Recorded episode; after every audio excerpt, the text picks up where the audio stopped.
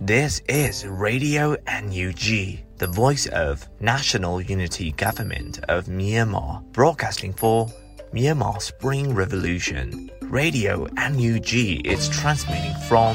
shortwave 16 meter 17.79 megahertz at 8:30 a.m. and 25 meter 11.94 megahertz at 8:30 p.m. Myanmar Standard Time. မင်္ဂလာပါခင်ဗျာ အမျိုးသားညီညွတ်ရေးအစိုးရရဲ့အတန်လွင့်ဌာန Radio NUG ကိုမနက်ပိုင်း၈နာရီခွဲမှာလိုင်းတို16မီတာ7.3 MHz ညပိုင်း၈နာရီခွဲမှာလိုင်းတို25မီတာ17.6 MHz တို့မှာဓာတ်ရိုက်ဖမ်းယူနိုင်နိုင်ပါပြီမင်္ဂလာအပေါင်းနဲ့ပြည့်စုံကြပါစေအခုချိန်ကစပြီး Radio NUG အစီအစဉ်တွေကိုဓာတ်ရိုက်အတန်လွှင့်ပေးနေပါပြီ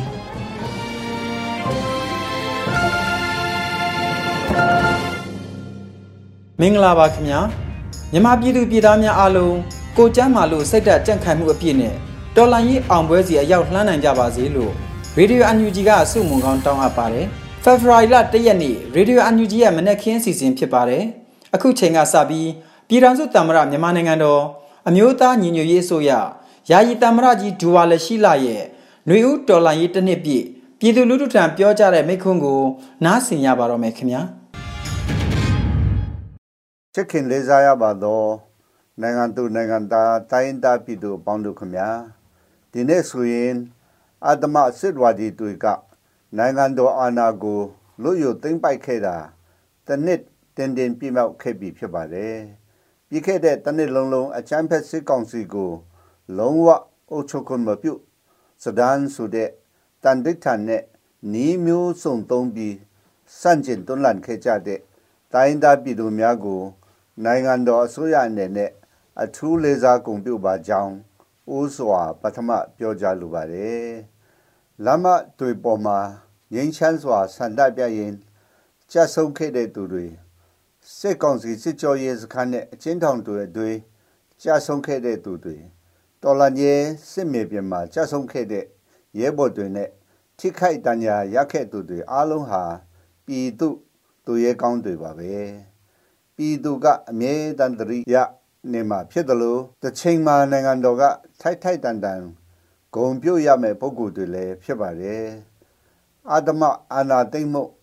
တနစ်ပြည့်တဲ့ဒီနေ့မှာမြို့သားညီညွတ်ရေးအစိုးရယာယီဓမ္မရအနေနဲ့ပြည်သူသူရဲကောင်းအပေါင်းကိုဂုံပြုတ်အိုညွတ်လိုက်ပါတယ်မြန်မာစစ်အာဏာရှင်စနစ်ဘယ်လောက်ဆွေးရုပ်တယ်လဲဆိုတာ မြန်မာပြည်သူတွေအသိဆုံးဖြစ်ပါတယ်1958ခုနှစ်ကနေ2021ခုနှစ်အတွင်း၄ချိန်အာဏာသိမ်းပြတဲ့နောက်နိုင်ငံဟာနိုင်ငံရေးစီးပွားရေးလူမှုရေးပညာရေးနဲ့ချမ်းမာရေးအဆင့်တန်းအဖက်ဖက်ကလိမ့်ကြပြီးကမ္ဘာအဆင့်ရေးဆုံး LDC နိုင်ငံတစ်ခုအဖြစ်ဂုံတက်ခါညုံငယ်ကြဆင်းခဲ့ရပါတယ်မြန်မာပြည်ရဲ့အဓိကနိုင်ငံရေးပြဿနာဟာဘာလဲ စစ်မှန်တဲ့ဒီမိုကရေစီစနစ်နဲ့ Federal စနစ်ကိုတည်ထောင်ခြင်းမပြုနိုင်တဲ့အချက်ဖြစ်တယ်ဆိုတာကျွန်တော်တို့တွေ့နိုင်ပါတယ်စစ်အာဏာရှင်အဆက်ဆက်ဟာဒီမိုကရေစီနဲ့ Federal ကျင့်သုံးဖို့ညှင်းပယ်ခဲ့ကြတယ်ဒီမိုကရေစီကိုညှင်းပယ်ခြင်းအဖြစ်ပြည်သူတဝချင်းရဲ့လွတ်လပ်မှုလူအခွင့်အရေးများစစ်တုံးခဲ့ရတယ် Federal ကိုညှင်းပယ်ခြင်းကြောင့်တိုင်းသားများလူလာတဲ့ တန်းတူရေးနဲ့တရားမျှတမှုအခွင့်အလမ်းများစိတ်သုံးခဲ့ရတယ်စစ်လို့ဆိုနားလေတာကနိုင်ငံကြီးမှာစစ်တပ်ကအစင်ဆက်ဘူကြစုမှုရဲ့နဲ့လူမျိုးကြီးဝါဒပဲဖြစ်ပါတယ်နိုင်ငံကြီးအာဏာကိုနှစ်ပေါင်းများစွာချုပ်ကိုင်လွန်မိုးထားပြီးတဲ့နောက်စစ်တပ်ဟာတီးတန့်လူဒန်းစားတစ်ခု ဖြစ်လာခဲ့ပါတယ်စစ်ကောင်ဆောင်တွေဟာအခွင့်ထိုးခံအုပ်စုတစုဖြစ်လာတယ် သူတို့ကြံစီလှုပ်ဆောင်သမျှစစ်အုပ်စုဗဟုပြုရဲဖြစ်လာတယ်စစ်တပ်အကျိုးစီးပွားအဓိကဝါဒဖြစ်လာတယ်ဆိုတာကျွန်တော်တို့တွေ့ရတယ်သူတို့ဝါဒကပြည်သူဟာစစ်တပ်ကိုအစင်မြဲကျွန်းလွန်နေရမယ်ပြည်သူဟာစစ်တပ်ပြုတ်သမျှနှုတ်ရမယ်ဆိုတဲ့ဝါဒပဲတနည်းအားဖြင့်စစ်တပ်ကပြည်သူကိုကျွန်းစတ်တွေးတဲ့ဝါဒပဲစစ်ကြံဘဝမှာ တိုင်းသားပြည်သူတရလုံးလုတ်ကုံတက်ခါထိခိုက်ဆုံးရှုံးခဲ့ကြရတယ်စစ်အုပ်စုဟာ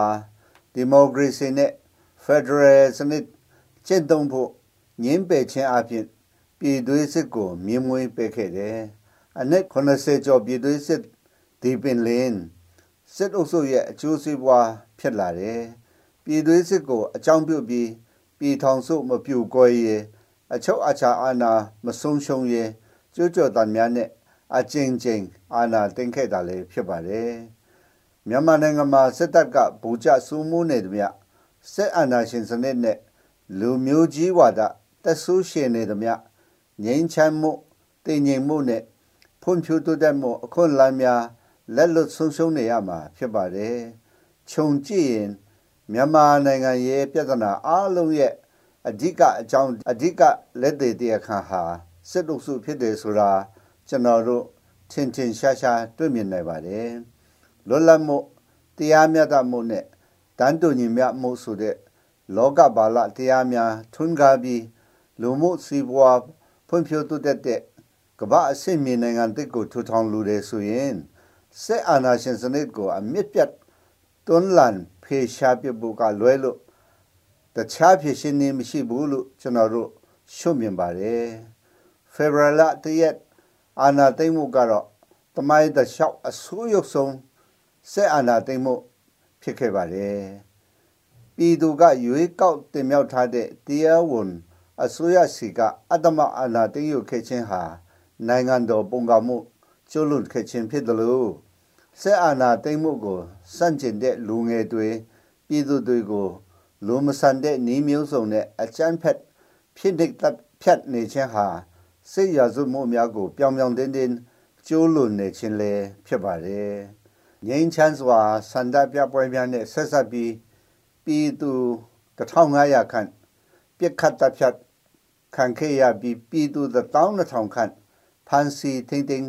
ခံခဲ့ရတယ်။ပြည်သူခုခံတွန်းလှန်စစ်ကိုရင်ဆိုင်နိုင်ခြင်းမရှိတဲ့အခါအယတ္တာချေရပေါင်းများစွာနဲ့ချင်းပြည်နယ်ထန်တလန်မြို့နဲ့ ကရင်ပြည်နယ်မှမြို့အချို့ကိုမြေရှုဖျက်ဆီးပြီးစစ်နဲ့မသက်ဆိုင်တဲ့ပြည်သူတထောင်ကျော်ကိုရရဆက်ဆက်တပ်ဖြတ်ခဲ့ပြီးဖြစ်တယ်။ဒီတပ်ဖြတ်မှုတွေထဲမှာဒီဇင်ဘာလ9ရက်ကစာလင်ကြီးမြို့နယ်ဒုံတော်ရွာဖြစ်စဉ်မှာပြည်သူ7ဦးခရစ်စမတ်ရက်ကကရင်နီပြည်နယ်ဖရူဆိုမြို့နယ်မိုဆူကျဲရွာဖြစ်စဉ်မှာပြည်သူ35ဦးကျော်အရှင်လက်လက် မြေရှုတပ်ဖြတ်ခဲ့တဲ့ဖြစ်စဉ်တွေပါဝင်ခဲ့ပါတယ်စစ်ကောင်စီရဲ့အချမ်းဖက်စစ်ဗျူဟာကိုတနေ့လုံးလုံးကြမ်းကြမ်းခံခဲ့ပြီးဇွဲမလျော့စတန်ခုခံတွန်းလှန်နေခဲ့ကြတဲ့မြန်မာပြည်သူတွေရဲ့သူရတတိကတော့ကဘာကပင်လေးစားအတိမတ်ပြုခဲ့ရပြီဖြစ်ပါတယ်နိုင်ငံတကာအနေနဲ့လည်းအချမ်းဖက်အာနာသိန်းစစ်ကောင်စီကိုလုံးဝအတိမတ်မပြုတ်ပဲ လိုအပ်တဲ့ပိတ်ဆို့အရေးယူမှုများပြုတ်လို့ဖို့မြန်မာပြည်သူတွေနဲ့ရုံးကမှုကပဲအဓိကတွန်းအားပေးခဲ့တာဖြစ်ပါတယ်အခုဆိုရင်ကောလာနမကဆရာမြန်မာတာမတ်ချင်းဖြစ်ဦးကျော်မိုးထွန်းဆက်လက်တည်ရှိနေခြင်းဟာနိုင်ငံတကာမျက်နှာစာမှာမြန်မာပြည်သူတွေရဲ့အခြေအကြီးတဲ့အောင်ပွဲဖြစ်ပါတယ် CRPH NUCC နဲ့ NUG တို့အပေါ်တရားဝင် ပြည်သူ့ကိုယ်စားလှယ်အဖွဲ့အစည်းတွေအဖြစ်နိုင်ငံတကာရဲ့နားလည်မှုအတိမတ်ပြုမှုများတိုးတက်ရရှိနေသလိုဒီအဖွဲ့အစည်းသုံးခုကိုပြည်သူ့တော်လှန်ရေးရဲ့ပက်ကင်အဖွဲ့အစည်းများဖြစ်ဖို့မြန်မာပြည်သူတွေမျှော်လင့်ချက်ထားရှိခဲ့ကြတယ်ဆိုတာကျွန်တော်တို့ကောင်းကောင်းနားလည်ပါတယ်ပြည်သူမျှော်လင့်ချက်ကိုဖြည့်ဆည်းနိုင်ဖို့ကိုစွန်ညံစွန်ရှိသည်မြအစွန်းကုန်ကြိုးစားအားထုတ်တော်မယ်ဆိုတဲ့ အကြောင်းလေဒီနေ့ဒီရက်မှာဂတိပြုလိုပါတယ်သက်အာနာရှင်အတွေးခေါ်ကြီးစုပြီးပြည်သူကိုရံပြုတ်အကြမ်းဖက်နေတဲ့စစ်တပ်ကိုဖျက်သိမ်းပစ်ဖို့နဲ့ပြည်သူကိုအမှန်တကယ်ကာကွယ်ဆောင်ရှောက်ပြီးဒီမိုကရေစီနဲ့ဖက်ဒရယ်စနစ်အပေါ်ယုံကြည်တဲ့ဝန်တဲ့တမတော်တတရက်တည်ထောင်ဖို့ဆိုတာလေတမရဲ့တောင်းဆိုချက်ဖြစ်ပါတယ်ပြည်သူတော်လှန်မှုတနစ် ကာလအတွင်းပြည်သူ့ကာကွယ်ရေးတမတော် PDF ကိုဖွဲ့စည်းထူထောင်နိုင်ခြင်းဟာမြန်မာပြည်သူတွေရဲ့အရေးကြီးတဲ့စွမ်းဆောင်မှုဖြစ်ပါတယ်အခုဆိုရင်ပြည်သူ့ကာကွယ်ရေးတပ်မတော်ဟာတိုင်းသားတော်လှန်ရေးအဖွဲ့ EAOs များနဲ့လက်တွဲပြီးစုဖွဲ့မှုဗဟိုအမိန့်ပေးကုတ်ကဲမှုစနစ်တည်ဆောက်မှုစစ်မဟာဗျူဟာညှိနှိုင်းရေးဆွဲမှုနဲ့စုပေါင်းအကောင့်ထေဖော်မှုများကို တူးတက်ကောင်းမွန်လာပြီဖြစ်တဲ့အတွက်တော်လှန်ရေးခီးမွေတော့ဘူးလို့ကျွန်တော်တို့ပြောချင်ပါတယ်အနာဂတ်တမတော်တစ်ထူထောင်ဖို့အတွက်ပြည်သူ့ယွန်ခွေခလုံလာမဲ့တမတော်သားများနဲ့ရေးတပ်ဖွဲ့ဝင်များကိုလည်းဆက်လက်ကျူဆူနေမည်ဖြစ်ပါတယ်တိုင်းပြည်ကိုချစ်တော်တမတော်သားများနဲ့ရေးတပ်ဖွဲ့ဝင်များအနေဖြင့်ပြည်သူများနဲ့အများဆုံးပူးပေါင်းလာကြဖို့ထပ်မံတိုက်တွန်းလိုပါတယ် ပြည်သူခုခံတွန်းလှန်စစ်မှတ်တမ်းများအရစက်တဘာလ9ရက်နေ့မှဇန်နဝါရီလ6ရက်နေ့၄လတာအတွင်းအချမ်းဖက်စစ်ကောင်စီ NR 9016ဦးထိခိုက်ကြဆုံးပြုံးတီးစေခဲ့တာဟာလေဒေါ်လာကြီးအနာစုတွေရဲ့အရေးကြီးတဲ့အောင်မြင်မှုဖြစ်ပါတယ် PDF နဲ့မဟာမိတ် EAO များပူးပေါင်းဆောင်ရွက်နိုင်ခြင်းဟာ Federal ပြည်ထောင်စုတပ်မတော်ပေါ်ပေါက်ရဲ့အတွက်ရှေ့ပြေးစီမံဆောင်ရွက်မှုများ ဖြစ်တယ်လို့လည်းဆိုနိုင်ပါတယ်အခုဆိုရင်ဒေါ်လာကြီးအနာစုတွေစုမှုထင်းချုပ်နိုင်ပြီဖြစ်တဲ့ဒေသတွေမှာဂျားကာလပြည်သူ့အုပ်ချုပ်ရေးအာဏာတိဆောက်မှုကိုလည်းစက်တိုက်အကောင့်ထေဖို့ဆောင်ရွက်နေပြီဖြစ်ပါတယ်ဒီလုပ်ငန်းစဉ်နဲ့တွဲပြီးဂျားကာလပြည်သူတရားစီရင်ရင်မန်တိုင်ဒူထုံဖို့လေတပြိုင်ဒီ စီမံဆောင်ရွက်နေပြီဆိုတာအသိပေးလိုပါတယ်ခုချိန်ထိစစ်အုပ်စုလက်အောက်ခံဖြစ်နေသေးတဲ့လက်နက်ကိုင်ဖွဲ့များနဲ့ပတ်သက်ရင်စစ်ကောင်စီကျိုးလွန်နေတဲ့ရာဇဝတ်မှုတွေမှာကြံညာပါမဖြစ်လို့ရင်ပြည်သူနဲ့အမြန်ဆုံးပူးပေါင်းဖို့လိုပါတယ်စစ်ရာဇဝတ်မှုကျိုးလွန်ရမှာတာဝန်ရှိတဲ့သူတွေကတော့နိုင်ငံတကာတရားစီရင်ရေးစနစ်အရကောပြည်သူတရားစီရင်ရေးစနစ်အရပါ အရေးယူအပြစ်ပေးခံရလိမ့်မယ်ဆိုတာသတိပေးလိုပါတယ်ဒီဒေါ်လာကြီးကစစ်အာဏာရှင်စစ်ကိုမြန်မာမြေပေါ်ကအပြီးတိုင်ဖေရှားပြဖို့ဖြစ်တယ်ဆိုတာမြန်မာပြည်သူတွေနဲ့အမျိုးသားညီညွတ်ရေးဆိုရအနေနဲ့ဆုံးဖြတ်ချက်ချထားပြီးဖြစ်ပါတယ်စစ်အာဏာရှင်စနစ်ဖေရှားပြီးတဲ့အခါဘယ်လိုအနာဂတ်မျိုးကိုကျွန်တော်တို့မျှော်မှန်းပါသလဲတိုက်သူပြည်သားအလုံးဒီမိုကရေစီနဲ့ လူအခွင့်အရေးအပြည့်အဝရှိတဲ့နိုင်ငံတော်တိုင်းသားအလုံးတန်တူရဲ့နဲ့ကိုပိုင်ပြတ်သားခွင့်ဒီဟူသော Federal ခွင့်ရေးများအပြည့်အဝရရှိတဲ့ပြည်ထောင်စုခွဲခြားမှုကင်းတဲ့ငြိမ်းချမ်းတဲ့တဟဇာတာဖြစ်တဲ့လူအဖွဲ့အစည်းတရပေါ်ပေါက်လာဖို့မျှော်မှန်းထားတာဖြစ်တဲ့အတွက်မွန်မြတ်တန့်စင်တဲ့တော်လန်ရေးဖြစ်တယ်လို့ဆိုချင်ပါတယ်အခုဆိုရင်အနာဂတ်မြန်မာနိုင်ငံတော်တစ် New Myanmar ရဲ့ အာယုံဦးကိုပြည်သူတော်လန်ရေးနဲ့အတူကျွန်တော်တို့မျက်မှောက်ပြုတ်နိုင်ပြီဖြစ်ပါတယ်ဒီတော်လန်ရေးမှာအသက်တွေဘဝတွေပိုင်ဆိုင်မှုတွေဆွလွတ်ပေးဆက်ခဲ့တဲ့ပြည်သူတယောက်စီတိုင်းကိုအမျိုးသားညီညွတ်ရေးအစိုးရကအလဲအမြတ်ပြုပါတယ်ဒီတော်လန်ရေးဟာပြည်သူတွေကိုယ်တိုင်ဥဆောင်ပါဝင်တဲ့ပြည်သူတော်လန်ရေးလေဖြစ်တဲ့အတွက် generation Z လူငယ်တွေ PDF ရဲဘော်တွေ CDM ဘွန်ထန်တွေ The Big အနာစုတွေတိုင်းဒါတော်လန်ရေးအဖွဲ့ EAO တွေတက်ညီလက်ညီလက်တွဲဆင်နွှဲကြမယ်ဆိုရင်အပြည့်တပြည်သူအောင်ပွဲအရယူဖို့အချိန်များစွာမလိုတော့ဘူးလို့ယုံကြည်ပါတယ်ဒုပြည်သူများရည်မြော်တဲ့အနာဂတ်မြန်မာနိုင်ငံတော်တစ်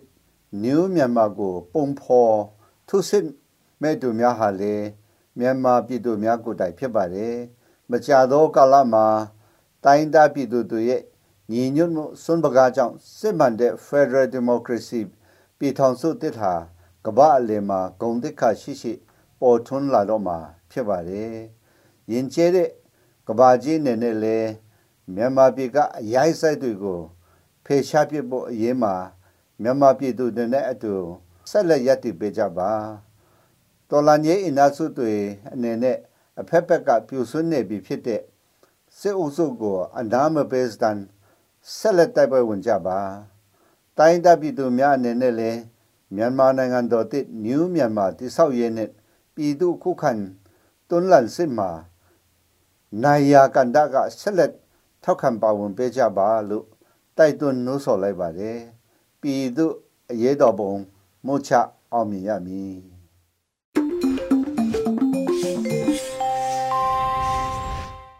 ရေဒီယိုအန်ယူဂျီမှဆက်လက်အတန်လွှင့်လျက်ရှိပါတယ်အခုဆက်လက်ပြီးပြည်ထောင်စုတမရမြန်မာနိုင်ငံတော်အမျိုးသားညီညွတ်ရေးအစိုးရ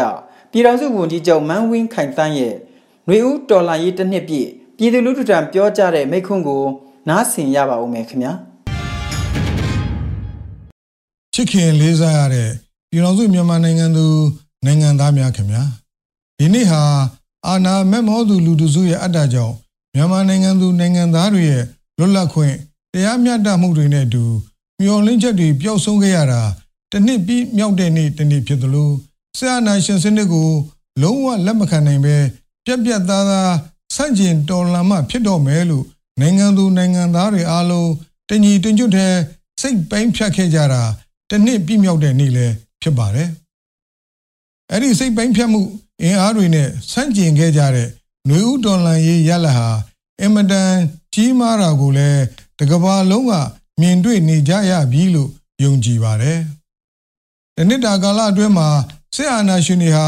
သူတို့ရဲ့အုပ်ချုပ်ရေးရန်တရားကို လုံးဝတိဆောက်နိုင်ခြင်းမရှိသလိုနှစ်60ကျော်တိဆောက်ခဲ့တာကြောင့်ခိုင်မာလာပြီလို့အထင်ရောက်နေတဲ့စစ်အာဏာရှင်စနစ်ဟာလည်းအင်အားချိနဲ့ဖျို့ဖျဲနဲ့ပြိုလဲကြဖို့နောက်ဆုံးအချိန်ကို ရောက်လာခဲ့ပါပြီချစ်ခင်လေးစားတဲ့ပြည်တော်စုမြန်မာနိုင်ငံသူ နိုင်ငံသားများခင်ဗျာကျွန်တော်တို့ခေတ်သစ်မြန်မာနိုင်ငံတော်သမိုင်းကိုပြန်ကြည့်ရင်ဆရာနာရှင်အဆက်ဆက်ရဲ့လက်အောက်မှာပြည်တော်စုတိုင်းသားများအားလုံးဤမျိုးမျိုးပုံစံအသွယ်သွယ်နဲ့နှစ်ပေါင်း60ကျော်ခါစီခံခဲ့ကြရတာကိုကြည်ကွဲဖွယ်ရာ တွေ့မြင်ရပါလိမ့်မယ်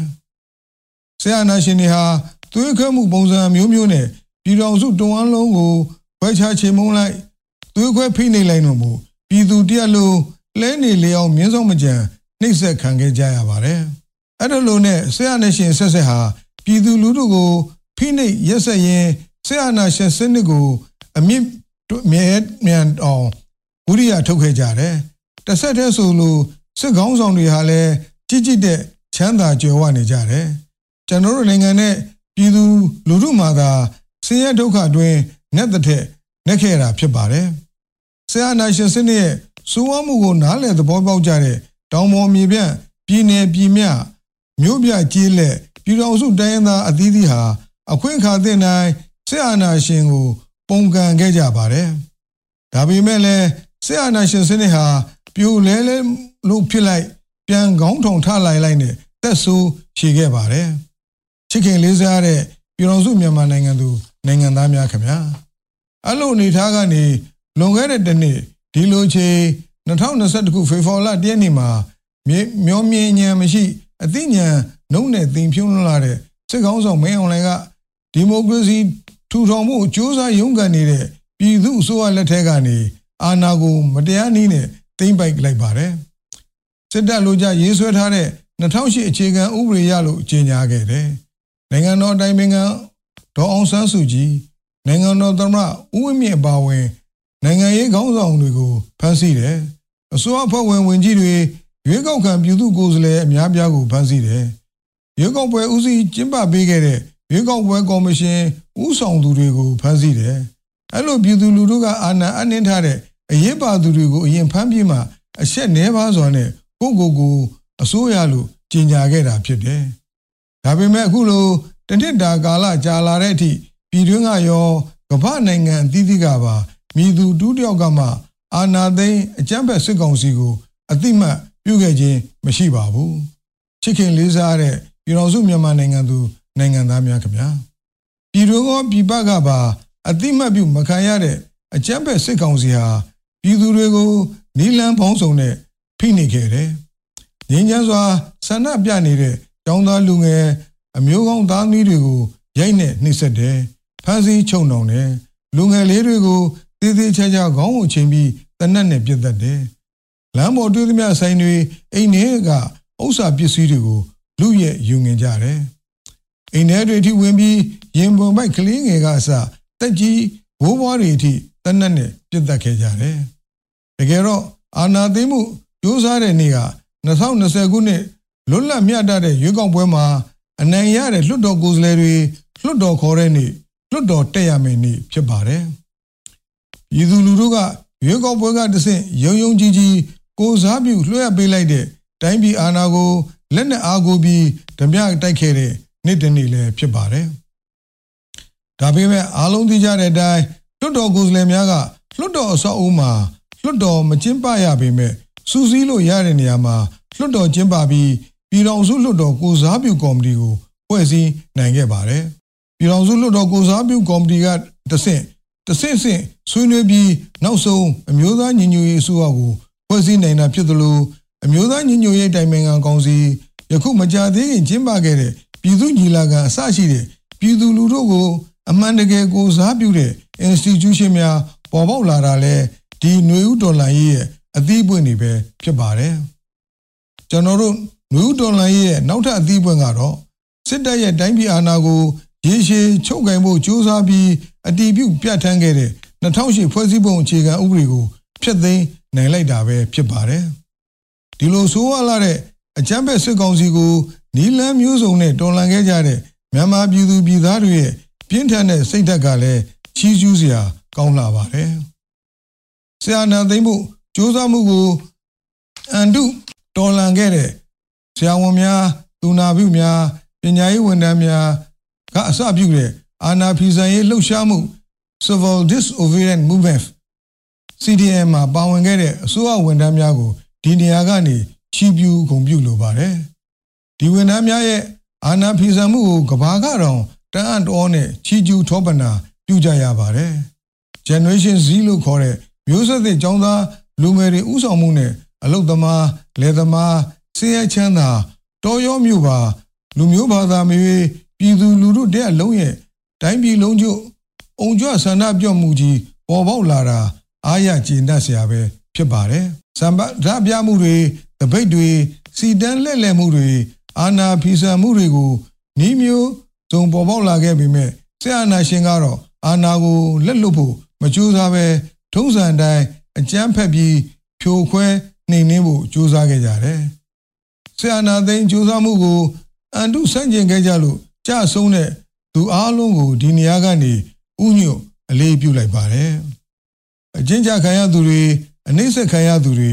နေကနေထွက်ပြေးတိမ်းရှောင်နေရသူတွေနေအိမ်တွေမိရှုခံရချိတ်ပိတ်ခံရပြီးပစ္စည်းများဖောက်ထွင်းခိုးယူခံရသူတွေစသဖြင့်တနည်းမို့တနည်းဆုံးရှုံးနစ်နာခံရသူတွေအားလုံးကိုလည်းဒီတရားကနေလေးစားစွာချီးပြူးဂုဏ်ပြုအပ်ပါတယ်။လူဒေါ်လာရေးမှာ ဒီလန်ပေါင်းစုံနဲ့ပါဝင်ဆွေးနွေးနေကြတဲ့ပြည်သူလူထုကြီးတရက်လုံးတိုင်းသားလူမျိုးအသီးသီးနဲ့တိုင်းသားခုခံတော်လှန်ရေးဖွဲ့အသီးသီးကိုလည်းလေးစားစွာဂုဏ်ပြုပါကြောင်းကျေးဇူးတင်ရှိပါကြောင်းအလေးနဲ့ပေါ်ပြလိုပါတယ်။ဆရာနာရှင်ရဲ့ဖိနှိပ်ရက်စက်မှုတွေအကြမ်းဖက်မှုတွေကိုယ့်ရဲ့ရွာကလူတွေကိုတပ်ဖြတ်လူရဲ့နှိမ့်ဆက်မှုတွေကို မခံရနိုင်တဲ့ဆိုပြည်သူလူထုကရရလက်နဲ့ဆွဲကင်ပြီး ခုခံတွန်းလှန်မှုစ조사ခဲ့ကြပါတယ်။တစ်ဆက်တည်းဒီဂျမ်းဘက်စစ်တပ်ကိုပြန်လည်ပြင်ဆင်ဖို့လုံခြုံရေးကဏ္ဍကိုပြုပြင်ဖို့တစ်ချိန်မှာ Federal တပ်မတော်တခုပေါ်ပေါက်လာဖို့ရည်ရွယ်ချက်နဲ့ပြည်သူ့ကာကွယ်ရေးတပ်ကိုအမျိုးသားညီညွတ်ရေးအစိုးရကဖွဲ့စည်းခဲ့ပါတယ်။ပြည်သူ့ကာကွယ်ရေးတပ်နဲ့ဒေသအသီးသီးမှာရှိတဲ့ဒေသခံကာကွယ်ရေးတပ်ဖွဲ့တွေအားလုံးအခုကျန်းဖက်စစ်တပ်ကိုရွရွချွန်ချွန် ခုခံတော်လှန်ကြပြီးအောင်ပွဲတွေရနေကြတာကိုကြားသိရတဲ့အတွက်များစွာဂုဏ်ယူမိပါတယ်။ကြာဆုံးသွားတဲ့ကာကွယ်တပ်သားများကိုလည်းအလေးအနက်ဥညွတ်ဂုဏ်ပြုပါတယ်။ဒီလိုတပ်သားတွေပါဝင်နွေဦးတော်လှန်ရေးမှာကြာဆုံးသွားတဲ့လူတွေကိုနွေဦးတော်လှန်ရေးပြီးမှတရားကောင်းများဖြင့်စနစ်တကျမှတ်တမ်းတင်ဂုဏ်ပြုရမှာဖြစ်ပါတယ်။ချစ်ခင်လေးစားတဲ့ပြည်တော်စုမြန်မာနိုင်ငံသူနိုင်ငံသားများခင်ဗျာ။ အခုဆိုရင်ရက်ဆက်ရုံမာတဲ့အကြမ်းဖက်ဖက်စစ်တပ်တွေနှီးကုန်းချုပ်ချိန်ရောက်လာတော့မှာဖြစ်ပါတယ်။အမောင်ကိုလူမျိုးလို့ Federal Democracy ပြည်တော်စုအာယုံကျင်းစာပြုလာပါပြီ။ Federal Democracy ရောင်းနေသန်းလာပါပြီ။ဒီနေ့ဟာဆရာနာရှင်စစ်တပ်ကို ပြက်ပြက်သားသားစန့်ကျင်ဒေါ်လာမှဖြစ်တော့မယ်လို့ကျွန်တော်တို့နိုင်ငံသားတွေအားလုံးတင်ကြီးကျွတ်တီစိတ်ပိုင်းဖြတ်ခဲ့တာတစ်နှစ်ပြည့်မြောက်တဲ့နေ့ဖြစ်ပါတယ် ခုလိုတစ်နှစ်ကြာမြင့်လာတဲ့အခါကျွန်တော်တို့ပြည်တော်စုတိုင်းရင်းသားပြည်သူလူထုတရားလုံးဟာအောင်ပွဲဆွေးနွေးဖို့အသင့်ဖြစ်နေကြပါပြီလူလိမ်ဖက်စစ်အာဏာရှင်ကို ဖြုတ်ချကြပါတော့မယ်ဖက်စစ်စစ်တပ်ကိုနိုင်ငံရေးနယ်ကအပြည့်တိုင်ဖယ်ရှားကြပါတော့မယ်ဆရာနာရှင်စနစ်ကို လုံးဝမြေမြုပ်အမြင့်ပြတ်ကြပါတော့မယ်ပြည်တော်စုတိုင်းသားများကြားစစ်မှန်တဲ့ဒန်းတူညီမျှမှုတရားမျှတမှုတို့ကိုထူထောင်ကြပါတော့မယ် ဖက်ဒရယ်ဒီမိုကရေစီပြည်တော်စုကိုအုံမြင့်ချပါတော့မယ်ချစ်ခင်လေးစားတဲ့ပြည်တော်စုမြန်မာနိုင်ငံသူနိုင်ငံသားများခင်ဗျာကျွန်တော်တို့ရဲ့ရည်မှန်းချက်ပန်းနိုင်ပြီးမြောက်အောင်မြင်သည့်အထိညီညီညွတ်ညွတ်လက်တွဲတိုက်ပွဲဝင်ကြဖို့တိုက်တွန်းလိုပါတယ်ကျွန်တော်တို့မျိုးသားညီညွတ်ရေးအစိုးရကလည်းပန်းတဲ့ရောက်သည့်အထိကိုကျိုးမဖက်ပဲဆက်လက်ကြိုးပမ်းဆောင်ရွက်သွားမယ်လို့ဂရုပြုအပ်ပါတယ်နိုင်ငံသားအလုံးဟာမတူညီတဲ့သဘောထားအမြင်တွေရှိခွင့်လွတ်လပ်စွာထုတ်ဖော်ပြောဆိုခွင့်အသားရောင်လူမျိုးကိုယ်ွယ်ယုံကြည်အားနဲ့ယဉ်ကျေးမှုတို့ပေါ်ခွဲခြားဆက်ဆံမှုမရှိဘဲလွတ်လပ်စွာတန်းတူရှင်တွဲနေနိုင်ခွင့်လူသားတယောက်ရဲ့ဂုဏ်သိက္ခာနဲ့ညီယက်တီရှင်သန်ခွင့်ကိုယ့်ဘဝအတွက်ကိုယ့်လူမှုဝန်ကျင်အတွက်ကိုယ့်နိုင်ငံအတွက်ကိုယ်တိုင်ဥဆောင်နိုင်ခွင့်သို့မဟုတ်ဥဆောင်သူကိုကိုယ်တိုင်ပြဋ္ဌာန်းဆုံးဖြတ်ရွေးချယ်ပိုင်ခွင့်ရှိတဲ့ကျွန်တော်တို့မြန်မာနဲ့ Federal Democracy ပြည်ထောင်စုကို အတူတည်ဆောက်ကြပါလို့လို့တိုက်တွန်းရင်းနှိကုံးချုပ်ပါတယ်အရေးတော်ကိုအောင်နေပြီ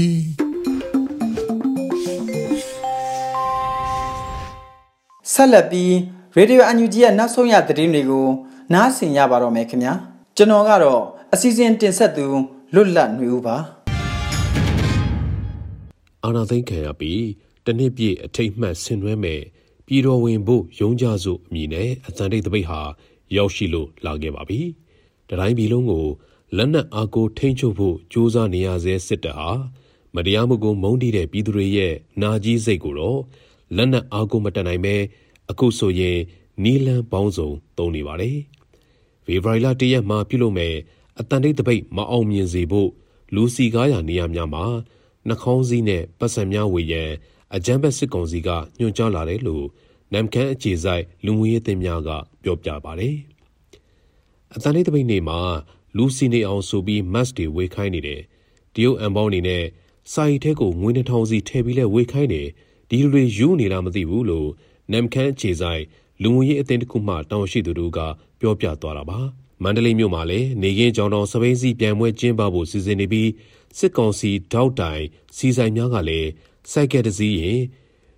စီတလီတာဝေမဲ့သတင်းလဲထွက်ပေါ်နေပါတယ်။အတန်လေးတပိတ်ပြက်ပြဲစေရန်ဝန်ထမ်းများရုံးတက်ရုံးဆင်းချိန်ကျောင်းတက်ကျောင်းဆင်းချိန်များကိုမနက်10:00နာရီမှ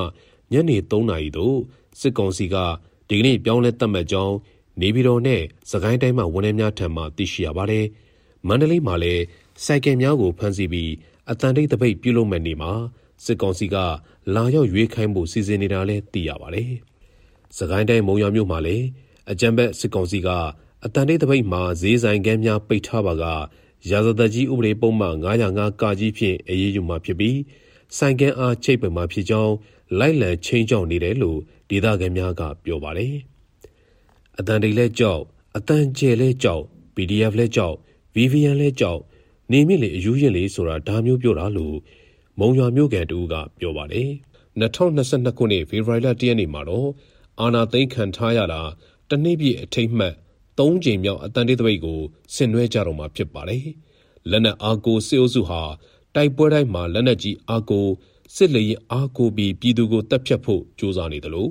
ပြည်သူလူထုရဲ့နှီးပေါင်းစုံဆန္ဒပြပွဲတွေကိုလည်းအကြောက်တရားနဲ့ထိန်းချုပ်ဖို့အာဏာရှင်တို့ရဲ့အစဉ်လာတိုင်းကြိုးစားနေတာတွေ့ရပါတယ်ခင်ဗျာဒီကနေ့ကတော့ဒီညနေပဲ Radio NUG ရဲ့အစည်းအဝေးကိုခਿੱတရရလိုက်ပါမယ်မြန်မာနိုင်ငံသူနိုင်ငံသားများ ကိုစိတ်နှပြကျမ်းမာချမ်းသာလို့ဘေးကင်းလုံခြုံကြပါစေလို့ Radio NUG အဖွဲ့သူအဖွဲ့သားများကဆုတောင်းလိုက်ရပါတယ်။အမျိုးသားညီညွတ်ရေးအစိုးရရဲ့စက်သွေးရေးတရင်အချက်အလက်နဲ့ဤပညာဝန်ကြီးဌာနကထုတ်လွှင့်နေတဲ့ Radio NUG ဖြစ်ပါတယ်။ San Francisco Bay Area အခြေစိုက်မြန်မာမိသားစုများနဲ့နိုင်ငံတကာကစေတနာရှင်များလှုပ်အားပေးများရဲ့ Radio NUG ဖြစ်ပါတယ်။အရေးတော်ပုံအောင်ရမည်